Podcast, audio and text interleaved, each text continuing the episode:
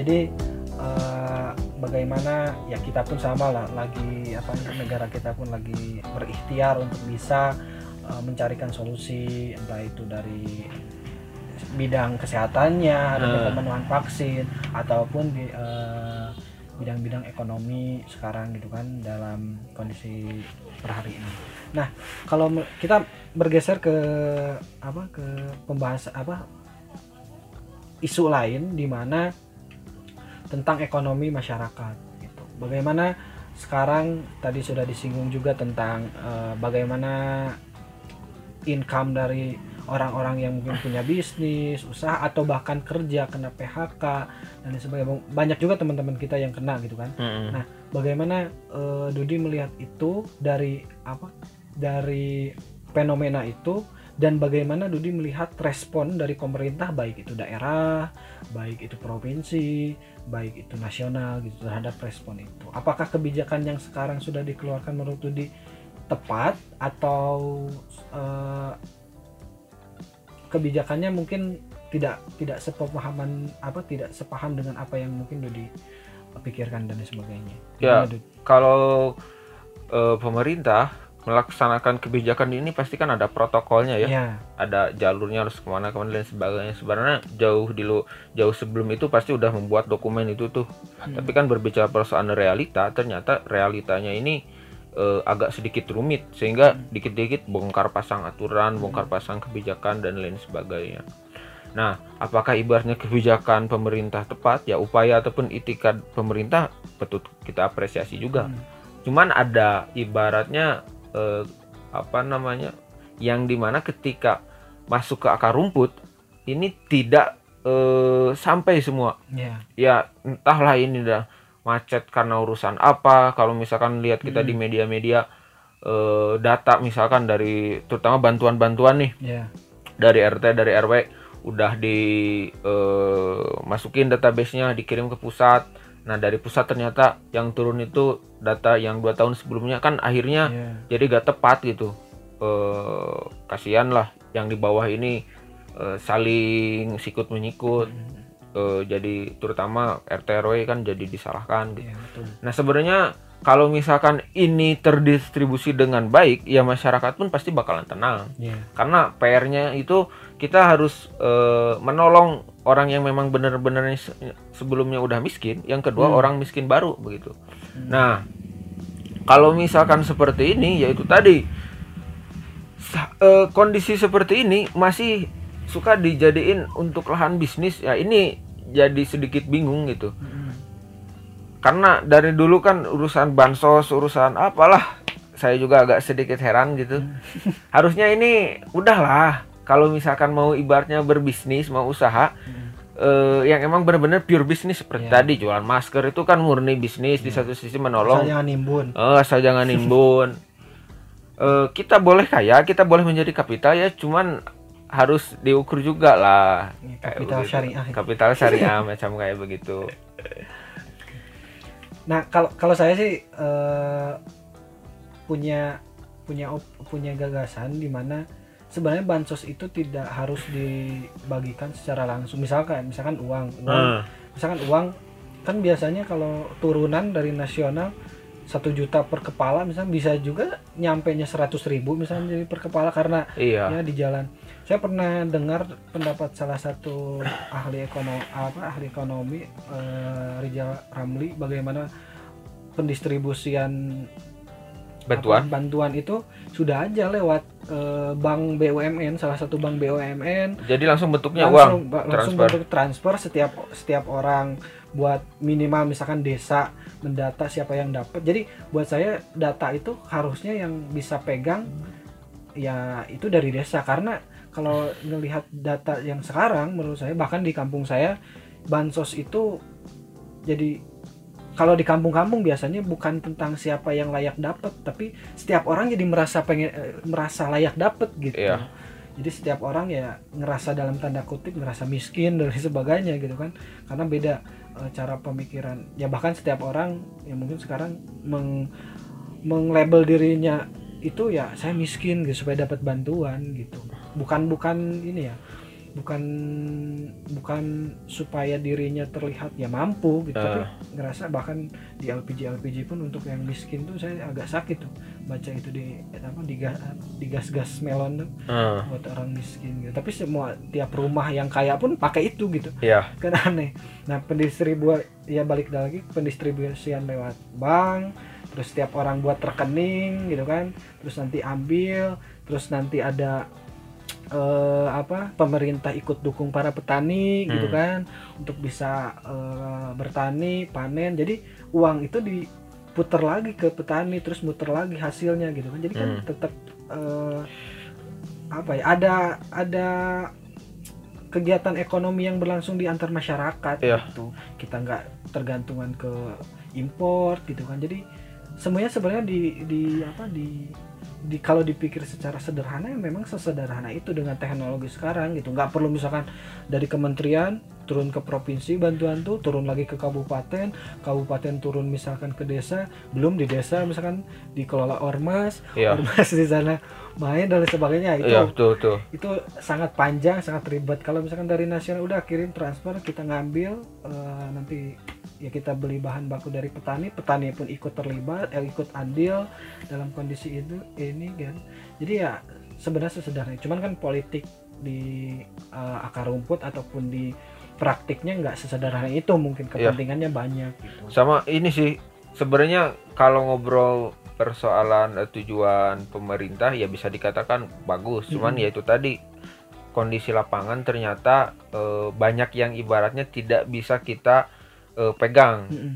ya dengan adanya si uang ini dijadikan sembako kan otomatis masyarakat tidak usah beli jadi Hmm. langsung dari petani dan lain Hmm. sebagainya cuman ya di satu sisi ini juga jadi celah untuk ibaratnya eh, penurunan kualitas misalkan yang Hmm. harusnya beras berasnya ini kualitasnya bagus jadi kualitas yang jelek Nah, ada kutunya misalkan sayur-sayur nih dari bantuan yang kurang seger mm-mm. atau gak bisa dimakan kan Hmm. akhirnya sangat disayangkan Iya, gitu betul. kalau misalkan ibaratnya kondisi eh, yang bantuannya itu bentuknya seperti itu ya lebih baik sekalian uang langsung Iya. gitu jadi jelas kalau misalkan satu juta eh, masuk 500 berarti ini dipotong 500 nih Hmm. kalau misalkan untuk eh, itu kita lihat dari penurunan kualitas kemudian ada juga nih bahkan yang eh, harusnya ini berapa ukurannya berapa kilo gitu dikurangin ber- eh, berapa ons berapa Hmm. miligram ya kasus realita di desa-desa seperti Iya. itu ada oknum-oknum yang memang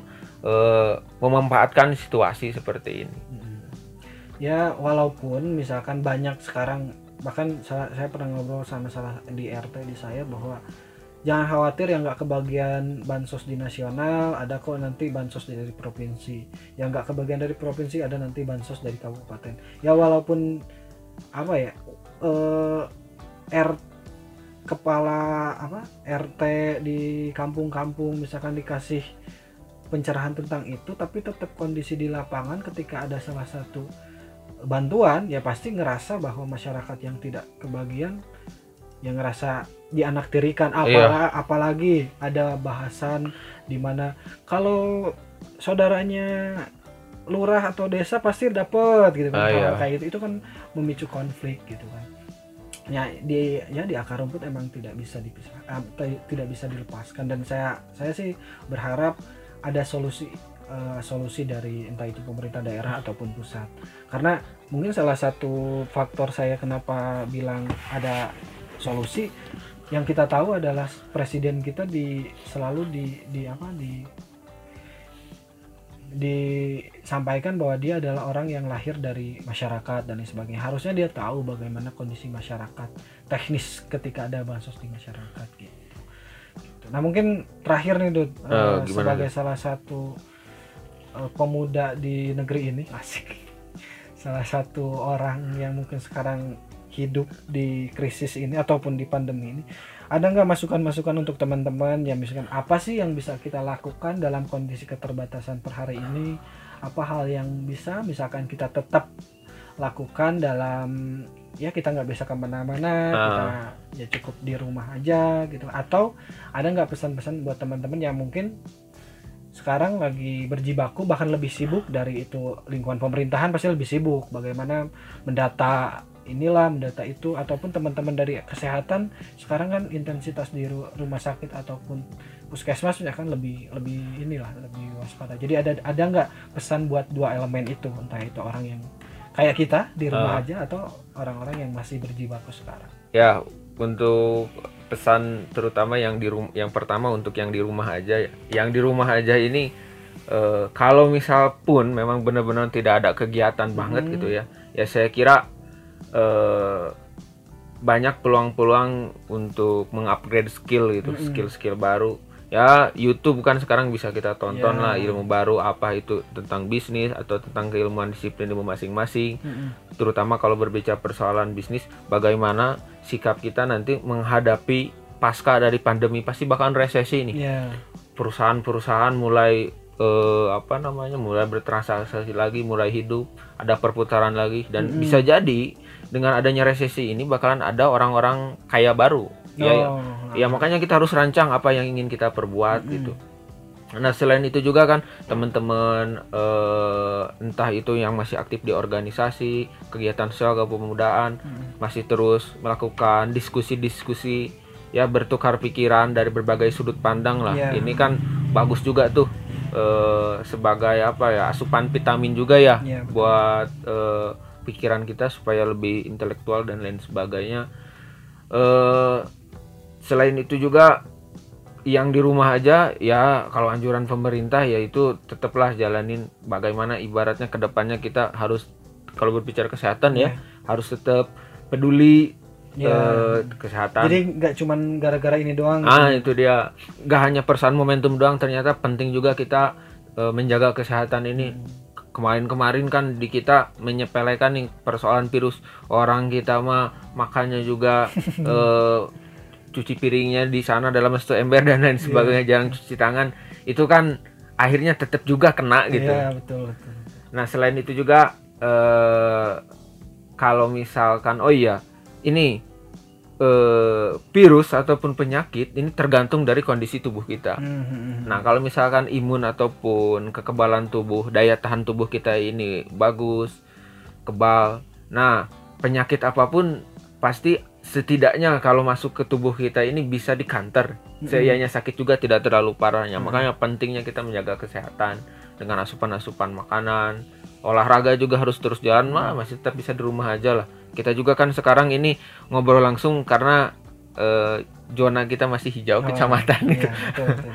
Dan masing-masing udah mengisolasi diri. Ya jangan lupa juga yang saya kita juga kan tidak bisa menghindar ya yang Ya. pulang kampung. Ah, ah, Kalau yang mudik itu pasti gak boleh ya, gak boleh Iya. balik. Nah, yang pulang kampung ya tetap lah 14 hari. Terus Iya. yang kerja tetap yang kerja jaga kesehatan, terus eh, social distancingnya masih dijalankan, physical distancingnya dijalankan. Selain itu juga eh, ya pastilah, apalagi sekarang Cianjur udah mau melakukan PSBB di beberapa reel yang sebelumnya masih terus jalan dunia bisnis real bakalan terdampak. Nah cuman ini yang menarik bagi teman-teman pun bagi saya pribadi dengan adanya pandemi corona ini bisa jadi eh, pasca ini kita bakalan melakukan percepatan-percepatan entah dalam bidang apa pun itu Oke. dari segi bisnis kah Mm-mm. dari segi keuangan bagaimana ternyata penting juga kita mengatur uang. Oh betul. Jangan foya-foya. ya. Jangan poya-poya. Kalau misalkan kebiasaan kita dapat uang langsung untuk nongkrong-nongkrong, poya-poya party, akhirnya dengan kondisi kayak gini kan kebingungan Ya, ya. betul. Buat makan kayak gimana. Hmm. Ya untungnya apa ya?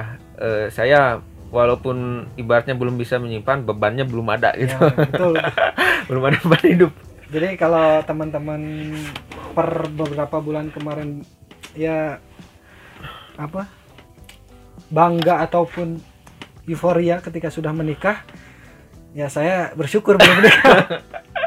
Jadi, belum ada beban gitu. Ya walaupun tetap lah secara tanggung jawab gitu kan, secara ya minimal buat diri sendiri lah Iya. istilahnya gitu. Oke terima kasih. Tadi mungkin yang disampaikan istilahnya dalam kondisi pandemi sekarang ini kita tidak hanya tentang eh, kita tidak hanya harus meratapi gitu kan Iya. tapi harus mempersiapkan pasca ini tuh kita mau apa gitu kan ketika misalkan dulu ketika biasa kita hanya bisa berjalan ya siapa tahu ketika pasca ini dengan kita mempersiapkan dalam jangka waktu yang cukup ya kita nanti bisa berlari gitu kan. Entah itu dalam hal bisnis Tuh. gitu kan ataupun pekerjaan ataupun apa gitu kan. dan jangan lupa momen Ramadan juga dijadikan sebagai ibadah gitu ya. Ya tuh jelas itu. Biasanya refleksi lah. Ya biasanya misalkan ya taraweh 15 hari pertama aja gitu kan. Sekarang karena bingung mau ngapain ya udah taraweh aja lah. Gitu tapi ya tapi awas jangan full gak terawih Oh juga iya, gara-gara itu. betul. Gitu kan.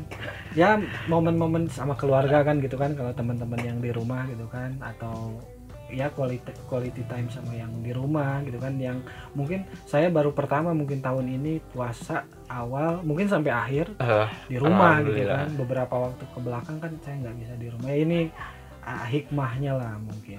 Ya terus ini saya juga ada pesan nih. Apa pesan kepada pemangku kebijakan terutama wakil dari kita anggota Oh, iya. dewan ya jangan sampai kerjaannya ini daring doang gitu Oh, iya, diskusi betul. online. Mm-mm. Jela- harus inilah yang konkret yang nyata. Iya betul. Eh, jangan sampai ya di momentum-momentum tertentu pemilihan dan lain sebagainya terjun tiap hari ke rakyat ya hari ini apa kabar gitu. Iya betul. Ya itulah mohon sampaikan barangkali Bapak Sandi eh, banyak seniornya Waduh, anggota dewan. siap, siap. Ya siapa tahu ada yang dengar kan dari percakapan kita gitu kan. Ya istilahnya jangan sampai anggota dewan ataupun orang-orang yang mewakili kita pun sama jadinya kayak kita dalam arti ngelindungin dirinya sendiri gitu kan. tuh Padahal ada hal ataupun kewajiban yang eh, harus dia lakukan. Dia udah mendapatkan haknya, hak politiknya dipilih oleh kita gitu kan iya ya, dapatkan suara kita tinggal dia menjalankan kita. kewajibannya gitu kan kita pun sudah melakukan kewajiban kita sebagai masyarakat sipil yaitu kewajiban untuk eh, memilih gitu kan pemilihan langsung entah itu bupati ataupun anggota dewan tinggal kita mendapatkan hak haknya kita hak kita adalah diservis oleh mereka gitu. ya Oke mungkin itu obrolan kita untuk hari ini. Mohon maaf bila misalkan obrolan kita ngawur. Tapi ya ini adalah salah satu bahkan mungkin salah satu dari aplikasi bagaimana kita memanfaatkan momen di rumah aja gitu. tuh Awalnya saya tidak kepikiran gitu, tapi karena di rumah ya udah kita bahas. nah Apa- itu saya juga ini ujuk-ujuk ditembak juga nih. ya gak apa-apa lah sekalian ya, silaturahim ya discuss dan ngabuburit ya, ya ngabuburit gitu kan. Karena ya daripada tadi saya sudah sampaikan daripada ya kita ya salah satu untuk eh, apa olahraga pikiran kita kan. Ah, betul. berpikir terus gitu kan. Terus ber ah, mengemukakan pendapatnya jangan sampai dipendam lah. jangan sampai ya karena kan salah satu penyakit atau imun juga pengaruh juga kan pikiran tuh. Oh jelas itu. Pikiran jadi ya jangan semuanya kan berawal dari pikiran. Nah, benar.